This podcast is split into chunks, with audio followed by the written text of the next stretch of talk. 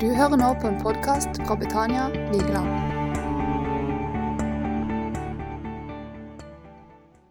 Har du forventning til Jesus? Ingen som har forventning til Jesus. OK. Uh,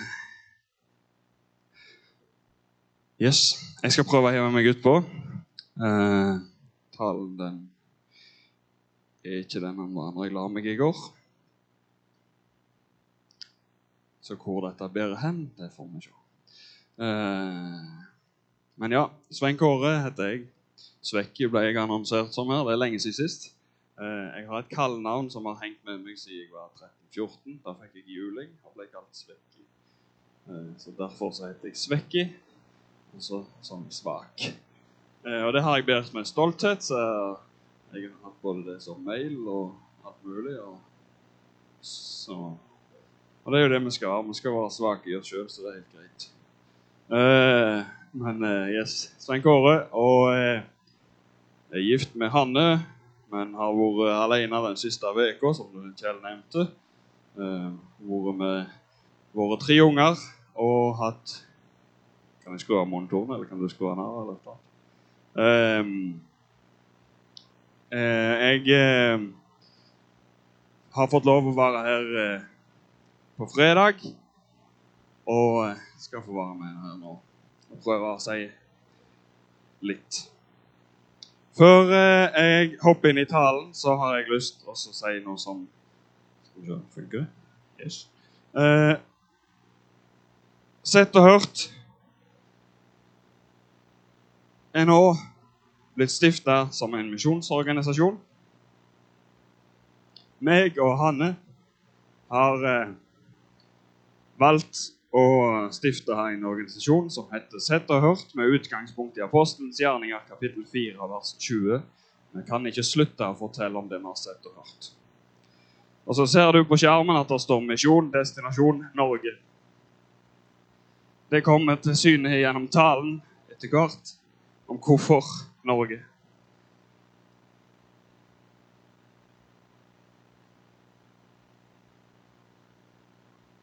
For Nå skulle jeg egentlig ta det praktiske, så jeg tar det først. For, men eh, jeg kjenner det jobber litt. Men eh, den organisasjonen den er stifta av meg og han, ja. Og så har vi med oss Anders, og så har vi med oss Rune i styret vårt. Og denne våren, de siste månedene, så vet jeg har sagt det før her, så har det jobba noe i meg. Det har vært ting som har skjedd i mitt liv, der mennesker har kommet inn i mitt liv og talt som gjør at jeg har sagt opp jobben og gått på vannet. Grunnen til at jeg sa opp, eller grunnen til at jeg sa opp jobben, er jo for at jeg kjenner på dette. her. Men det har vært veldig krevende. Jeg har hatt folk som har vært rundt meg som har både sagt den ene og den andre retningen. Altså, så for meg ble det litt som å se Peter i båten. Og så kommer det noen som sier de, dette må du gå på. Det er folk som har kommet og sagt tror du ikke tida går ut på vannet nå? De vet ikke om dette. Det er folk som har kommet til meg og sagt nå tror jeg du skal gå ut av båten. Som ikke har visst noen ting.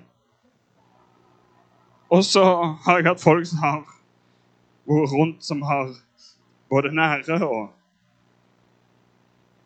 forskjellige folk som har sagt ja, tror du, du tror ikke du kan bare gå litt på dette? Du tror ikke du bare skal ta og touche litt borti? Du kan gjøre det en gang i måneden, f.eks.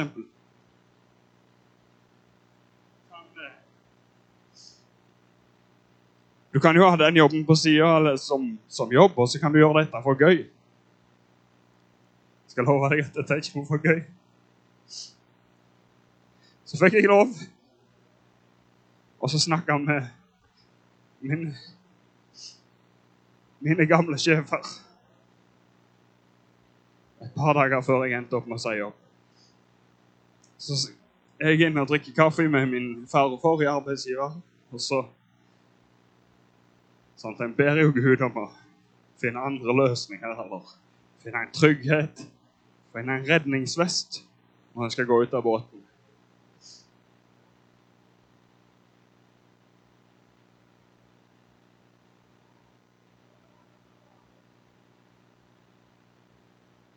Jeg sitter også og forteller dette til min gamle arbeidsgiver, forrige arbeidsgiver, og så sier han han er kristen. Så sier han dette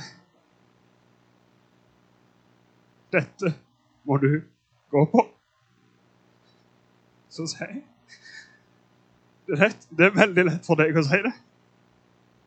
Du har bygd opp et stort firma, du har gjort gode penger.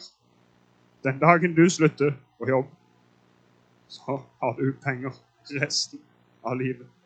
Og du har mer enn nok til både deg og ungene og barnebarn.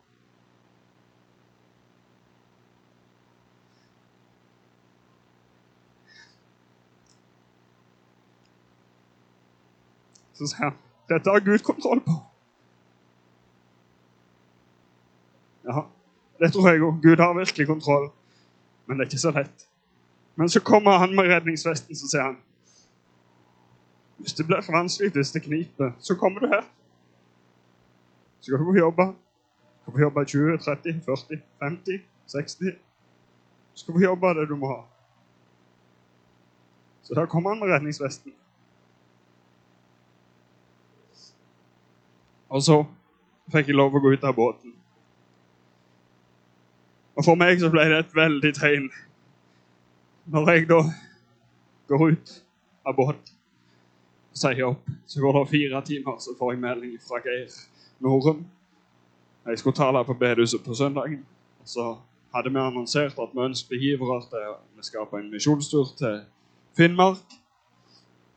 Der de sier at eh, vi vil være med og støtte kollekten på søndag. Det ble veldig sånn Du har gjort det du skal. Så skal jeg love at det kommer kamper. Sara sa det. Det er så mange ting som, bryt, som kommer og prøver å stikke imot. Som prøver å stoppe for å gå på det som Gud vil.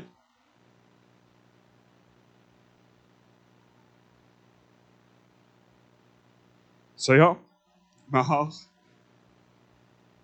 mål om å drive misjon i Norge.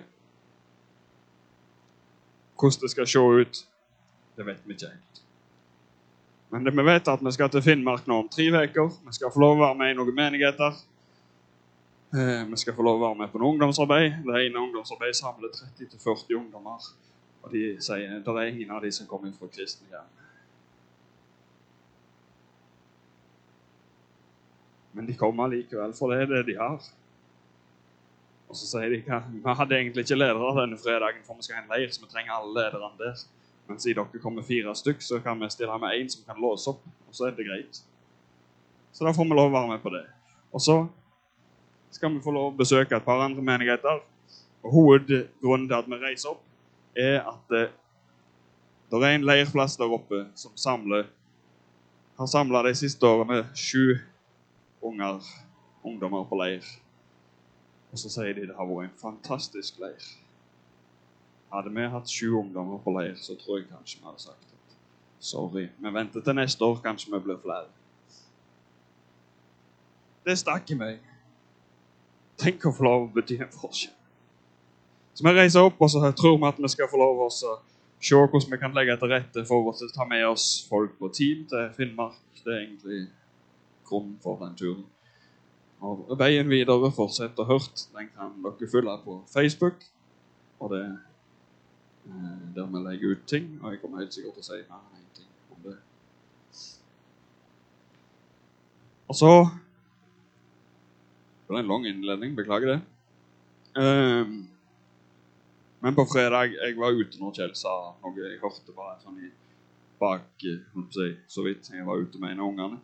Men eh, han sa litt om tweeds og youth, tror jeg, eller ungdomsarbeidet. Det er jo fantastisk å kunne ha ungdomsarbeid sammen med bedehuset. Og det arbeidet som er her på fredagskveldene. Jeg fikk lov å være med Susanne og gjengen på Tweens. Eh, Dere sitter litt finere. Det var litt mindre lydnivå. Jeg hadde egentlig håpet det var litt mer lydnivå dere faktisk, enn det der er nå. Det det er ingen lyd. Eh, på Tweens så måtte jeg gjøre en liten test. For eh, det var ganske høyt. Det var veldig mye lyd. Så jeg lasta ned sånn desibel-test. Og så sier jeg nå teller jeg til tre, og så ser vi hvor høy lyd dere klarer å lage. Det var høyt. Jeg målte, he- Her sto jeg med telefonen, og de sa at der og det blod 112 desibel hadde jeg her oppe. Eh, så det er høyt. Der nede så kan du bare tenke jeg skulle hatt hørselalarm på hele gjengen. Det var helt vilt. Men det var litt av en gjeng. Jeg fikk lov å tale om at eh, eh, den som bærer på tunge byrder, kan få lov å komme og legge dem til Jesus. Hvis du strever med noe, så kan du få lov å komme til Jesus med det. Og så snakket vi om åk. Er det noen av ja, her inne vet dere hva et åk er? De visste jo så klart ikke hva et åk var. De fleste av de visste iallfall. Men vi illustrerte det med at han ene sto her og holdt sånn melkespannholding. Og så ble jo det ganske tungt. Så tredde vi inn i en stokk, sånn at han fikk et åk. Og da kunne han plutselig bære ganske mye mer. Og Jesus han vil være vårt, eller han vil at vi skal ta hans åk. Han sier ikke at han fjerner alt. Han fjerner ikke alle problemer. Han fjerner ikke alle situasjoner vi kommer opp i. Men han vil være med og bære dem. Og så hadde jeg tenkt å ha samme talen for youth, eller for ungdommene. Og eh, det kunne jeg bare droppe. Jeg eh, kommer opp her, og så blir jeg minnet om noe helt annet. Og så deler jeg litt om min opplevelse, hvordan Gud har talt til meg. For jeg tror virkelig at Gud, sånn som han har talt til meg, så taler han til mennesker. Han taler på andre måter til andre folk. Det kan så klart skje på samme måte, men jeg tror ikke ikke var opphengt i måten Gud har talt til meg på. Men vær åpen for at Gud vil tale, at Jesus vil tale inn i ditt liv. Det var en fin samling. De var egentlig så godt som fullt i midtgradet. Og så til avslutningen så sier vi at ja, jeg kan jo samles ute der i, på gulvet der hvis det er noen som vil at vi skal be sammen. Vi kan stå i en ring. Mens jeg sier det, så tenker jeg at det er kanskje tre-fire av dere som sitter her, som kunne tenkt dere det. Så vi blir en liten gjeng, og dette her er gjort på ti minutter. Og så avslutter vi. Og så sier vi at eh, nå er det slutt, og folk sitter. Og så til slutt så trekker vi ut der og sier at eh, vi kan samles der. Det er vel en tre-fire som trekker ut, men resten samler seg der inne. Vi står i ring. Stor ring med ungdommer. Som først får lov å be sammen som ei gruppe. Og så sier vi at hvis noen har lyst til å stille seg midt i ringen, så skal vi be. Du trenger ikke si noen ting om hvorfor.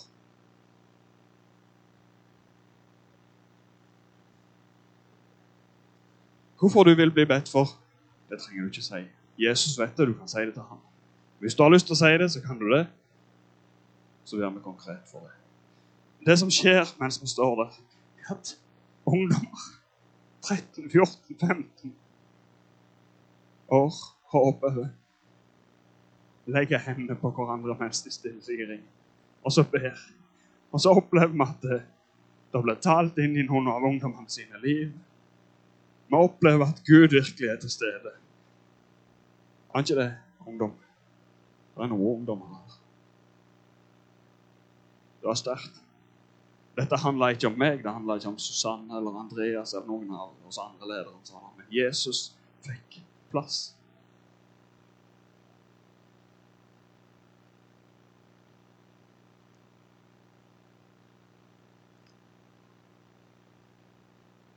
Salt i en smakløs verden har jeg annonsert at jeg skulle tale om. Jeg tror fortsatt vi holder oss ca. i det sjiktet. Men det har endra seg litt underveis. Vi ber eh, litt før vi hopper inn i det som vi gjør. Takker deg, Jesus, for at du er her. Hjelp oss, Herre, altså. Se hvem du er. Hjelp oss å forstå det som vi leser i ditt ord nå, Jesus. Hjelp meg å legge fram det som du vil, Jesus. La meg få lov å legge ned mitt eget, sånn at du kan få lov å komme fram. Takk, Jesus, for at du er her med din ånd. Må dette bli en formiddag der vi kan få lov å oppleve at du taler, og du gjør under i våre liv. Du tenner lys. Jesus, ta plass i formiddag. Jesus.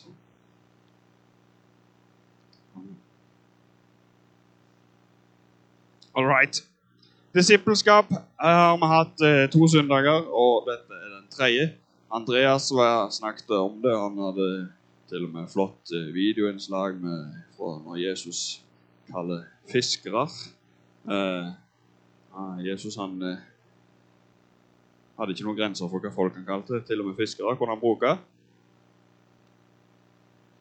Bruke deg og meg òg. Og Kjell han har vært innom temaet disippelskap. Og jeg skal prøve å være innom det temaet.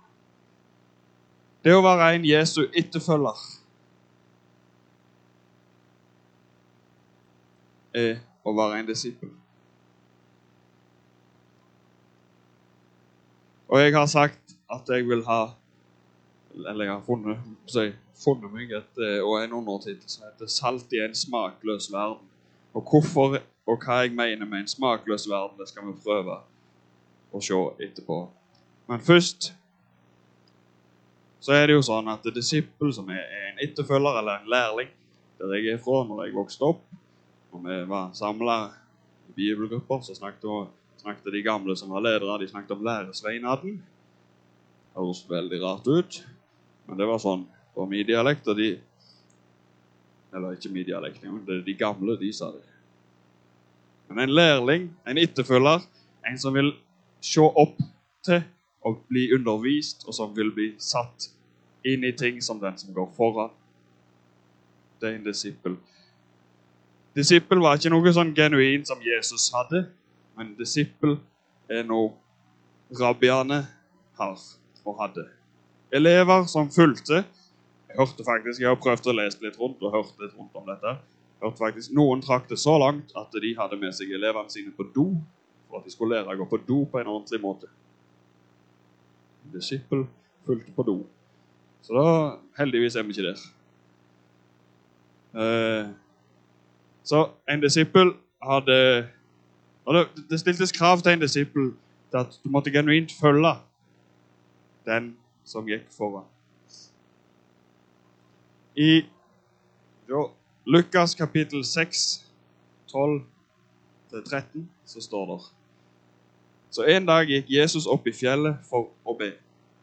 Han var i bønn til Gud hele natten, og når morgenen kom, samlet han alle dem som ville følge han og være hans disipler. Blant dem valgte han ut tolv menn som skulle stå han ekstra nær. De tolv er det jo vi oftest snakker om. Få oversikt på den skjermen. Sånn. Eh, og det er de som på en måte får, har, får mest plass. Men det er ikke når han står her, så samler han de som ville følge ham. Mest sannsynlig hadde Jesus allerede en ganske stor skare med folk som fulgte ham. Så hadde han behov for å dedikere at hvis du faktisk vil følge meg, så kom her. Så samla han de.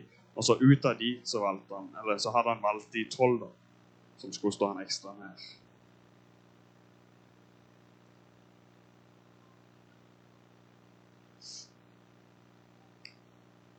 Men å følge Jesus som en disippel, det er ikke bare bare. Lukas kapittel 9, vers 23 og 24 står det Den som vil følge meg, må slutte å tenke på seg selv. Ta opp korset sitt hver dag og følge meg. For den som prøver å holde fast på det livet de har, vil miste det. Men de som, vil, de som er villige til å ofre visse ting, står det i Hverdagsbibelen. I eh, mange andre oversettelser står det 'ofre sitt liv' for min skyld, vil finne livets verdi og skal bli frelst. Harde ord. Vi snakker ikke om å gå med et lite gullkors rundt halsen. Vi snakker ikke om en lite korstatovering som er blitt veldig tøft. Vi snakker om å ta opp korset.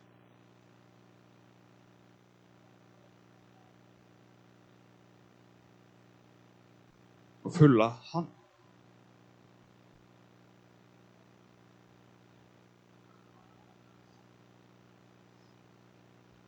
Hvorfor er dette viktig? Hvorfor er jeg hele tatt innom dette?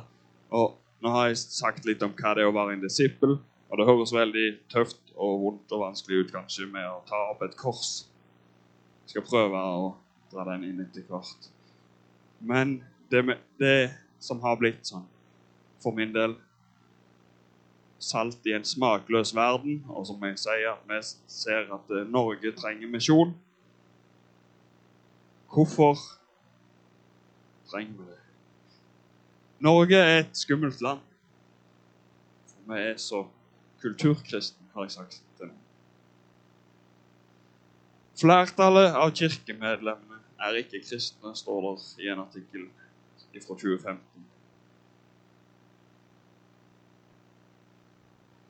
De siste ti årene har det også vokst fram en rekke andre religioner, livssyn som nordmenn i større grad omfavner enn tidlig. Mens Den norske kirke tidligere hadde monopol på tro i Norge, så er det i dag en rekke religioner og livssyn som er tilgjengelig. Også biskopen ser det og mener det er en god ting. Verden har blitt mindre, og vi opplever andre religiøse strømninger enn kun den kristne. Tidligere satt vi på fasiten om at det kun var én Gud å tro på og én måte å tro på. Slik er det ikke lenger. Heldigvis. Jeg tror vi kommer til å se en større pluralisme i samfunnet vårt, hvor ulike typer religiøsitet møtes.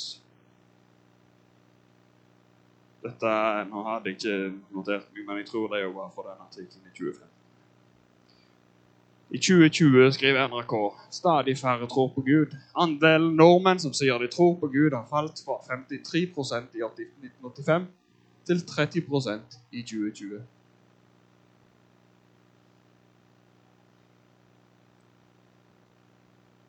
Dette er fra statistikk i 2015. 48% av medlemmene i Den norske kirke oppfatter seg som en kristen. 40% av befolkningen oppfatter seg som kristen fra 2015. Og så er det forskjellige tall inni der.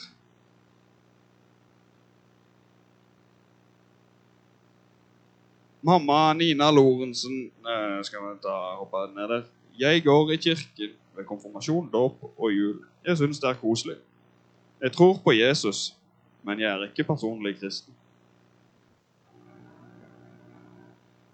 Øygard mener at en av de viktigste rollene til Den norske kirke, som Den norske kirke skal fylle med årene, er eh, en stemme inn i storsamfunnet om verdi. Eller verdier. Dette er fra Nederland. Én av seks prester tror ikke på Gud. Nå snakket jeg med en som eh, kan referere til ifra, jeg tror det var MF, Menighetsfakultetet, der de var to kristne i klassen. Resten hoppet på en greit betalt prestejobb.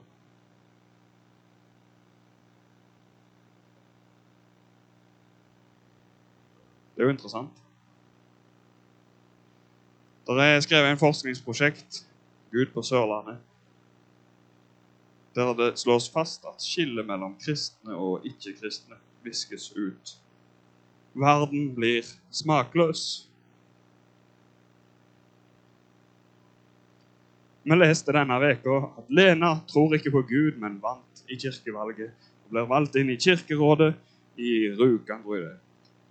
Og Hun sier at eh, hun tror ikke på Gud, Jesus eller djevelen, men det gode og det onde. Og Hun skal representere menigheten på Rjukan, og hun skal møte biskopen. Lenger ned i artikkelen har de, en, de snakka med biskopen, der biskopen sier at hun blir et friskt pust i kirka.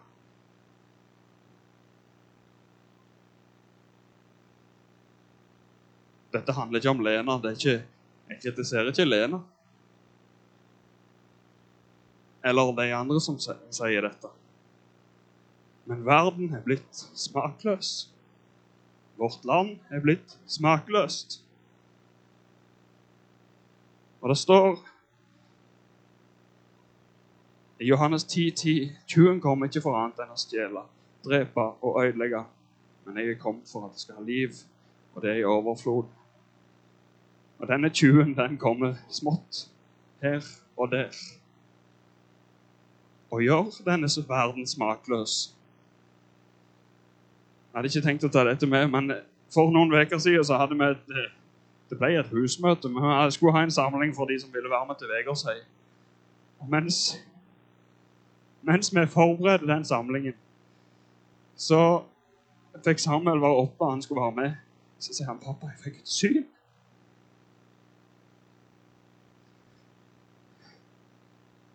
Jeg fikk et syn. Så sier jeg, 'Ja, hva da?' Jeg ser en lysestake med flere lys.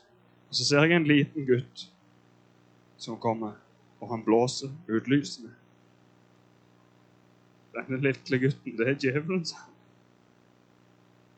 Jeg driver ikke snakker mye om djevelen hjemme. Men han er ganske obs. Så sier denne lille gutten er djevelen. Det er ganske hardt å kalle en liten gutt for en djevel. Det skal vi ikke gjøre. Det er ikke, gå hjem og gjøre det. Det er ikke bra. Men så tenkte vi ikke så mye mer på det. Og kvelden går, og så på slutten av kvelden så blir jeg minnet om dette. Så sier jeg 'Vil du dele det?' Nei, han vil ikke det. Ja, kan jeg? Yes, det fikk jeg. Og Så begynner jeg å fortelle det. Når jeg kommer til det med den lille gutten, så sier han nei, men det er ikke sikkert han var liten. altså. Det kan være det var en mann, men det var, det var, det var en gutt. Men der, når han sa det, så gikk det opp et lys.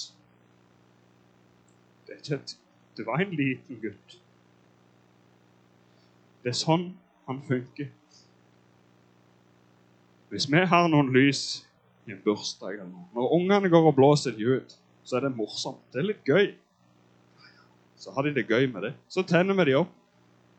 Så kommer, kommer de og blåser ut. Det er jo ikke noe farlig med det. Men i vårt liv med Gud for at vi skal være salt og lys i verden, så må jo lyset brenne. Vi kan ikke sitte og flire av at eh, vi lar det blåse ut.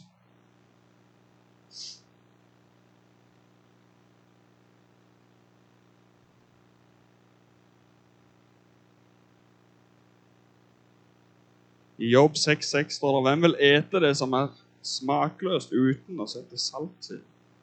Er det smak i eggehvite? Smakløst uten å sette salt til. Verden rundt oss er smakløs, og vi er kalt å være salt og lys. Skal vi fikse det sjøl? Nei. På ingen måte. Vi må koble oss på kraften fra Han. Og så er det Han som skal gjøre det. Vi skal legge ned vårt eget. Det at vi skal ta opp vårt kors, handler ikke om at vi skal fikse noe som helst. Men vi skal legge ned oss sjøl, sånn at Han får lov å virke i oss med sin kraft. Dere er jordens salt, men hvis saltet mister sin saltkraft, hvordan skal det da bli salt igjen? Det duger ikke til noe annet enn å kastes og bli tråkket ned.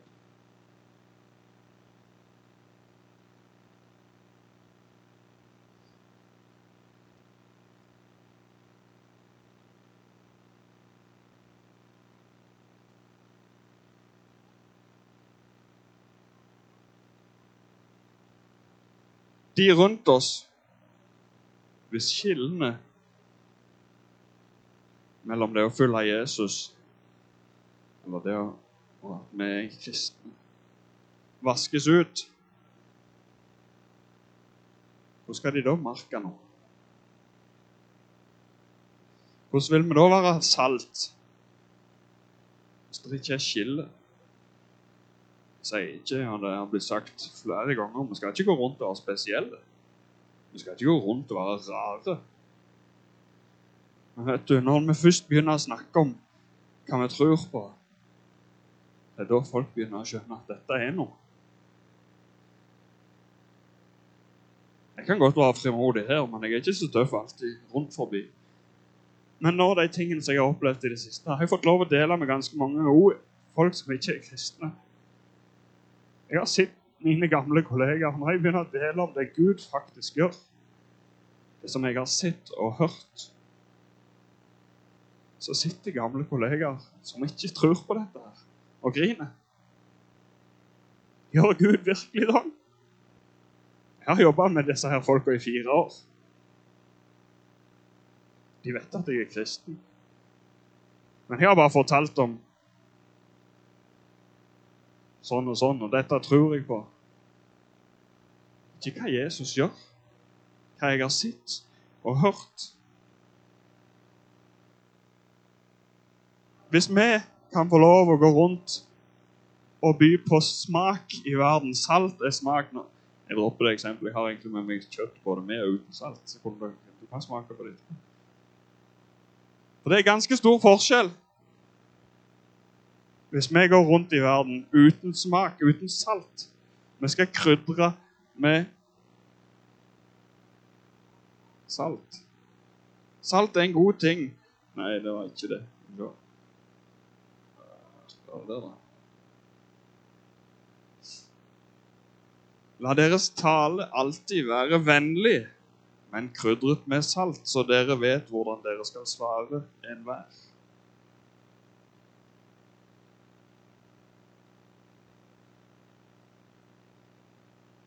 Vi skal være vennlige. Vi skal møte folk med Guds kjærlighet.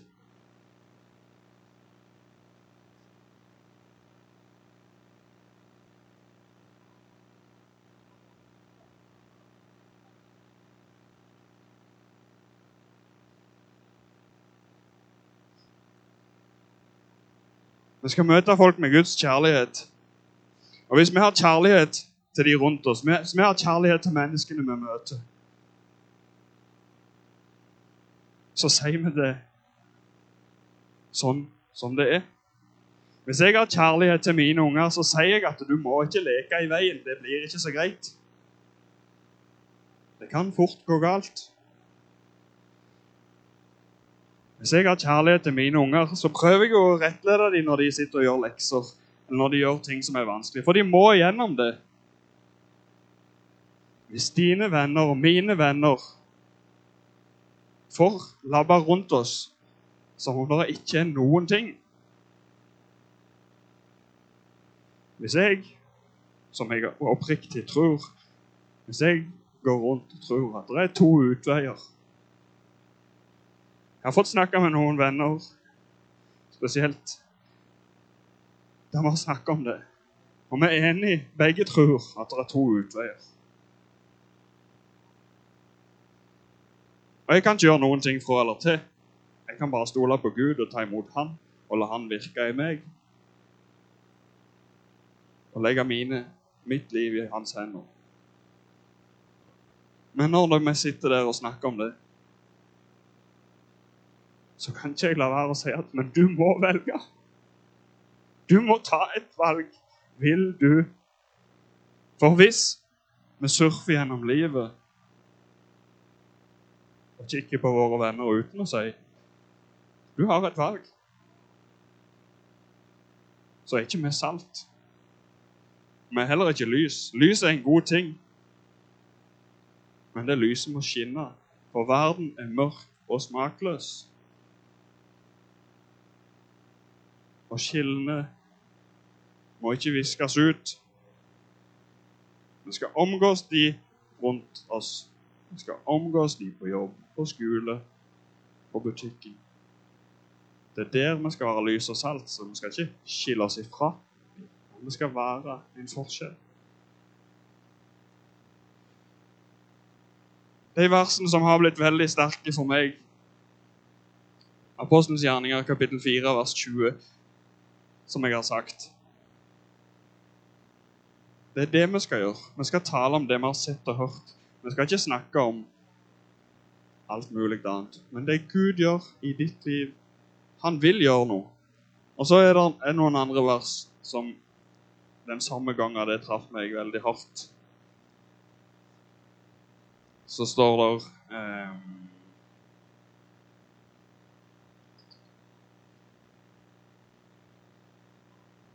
i Apostelens gjerninger 29. Det gjør vi 31. Nå, Herre, se til trusselen deres og gi din tjener å tale, ditt ord med all frimodighet. Idet du rekker ut din hånd til å helbrede, tegn og under skje i din hellige tjeners Jesu navn. Da de hadde bedt, skalv stedet hvor de var samlet. Og de ble alle fulgt med Den hellige ånd, og de talte Guds ord med frimodighet.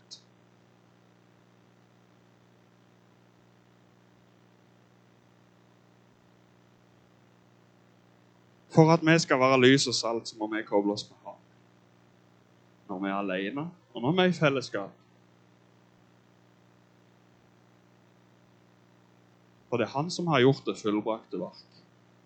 Vi skal ikke streve for å få dette til. Ingen av oss klarer å fikse dette. Ingen av oss klarer å fikse livet sjøl. Men vi må koble oss på Han, sånn at Han kan få være kraften gjennom oss. Akkurat som lyset i ditt hus. Så blir det ikke lys hvis du ikke på, har på sikringen og er påkobla nettanlegget.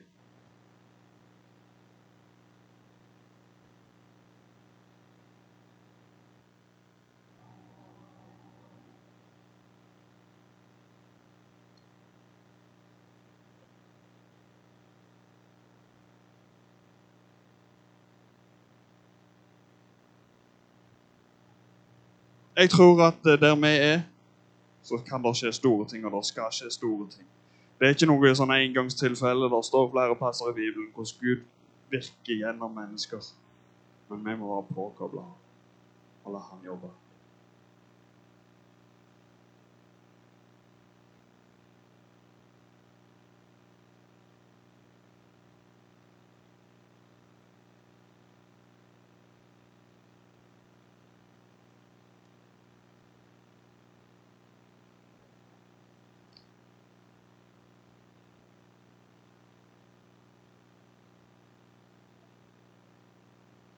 Jeg eh, runder den der.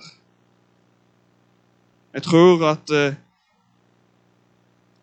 vi kan gå rundt og se Spesielt kanskje når jeg har sagt som jeg har gjort. Jeg har prøvd å ta det som jeg har kjent på. Men så er det ingen av oss, ingen av dere, ingen av oss som skal gå hjem og tenke at men dette klarer ikke jeg. Jeg kan jo umulig være en Jesu disippel dette er blitt alt sånn. Dette, sånn fikser jo ikke jeg.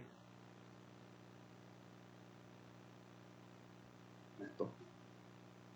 Når vi kom til det punktet at det fikser ikke jeg, så kan han få lov. Og jeg kom inn her i dag. Skal jeg love dere at dette, dette fikser ikke jeg. Jeg skulle gjerne ha snudd. Jeg skulle gjerne ha gått ut igjen. Når jeg har fått lov å snakke med folk. Jeg skulle gjerne ha snudd ifra de samtalene. Så kan jeg få lov å begge ut. Nå må du steppe opp. Hvis ikke du stepper opp nå, så må du be meg om å snu.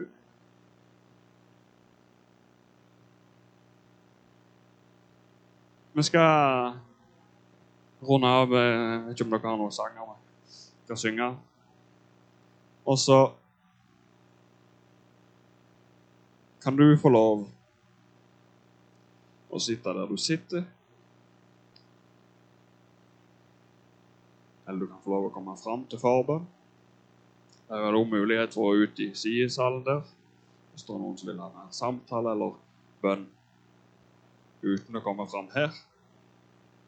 Det er helt fint. Det er fint å komme her, det er fint å gå Men hvis du nå sitter her og ønsker å la Jesus få lov å få hele plassen, og la han få lov å være lys og salt gjennom deg, så tror jeg det at vi kan be om det og be for og med hverandre. For det er ikke noe vi skal fikse sjøl. Men vi skal la Han fikse det gjennom oss.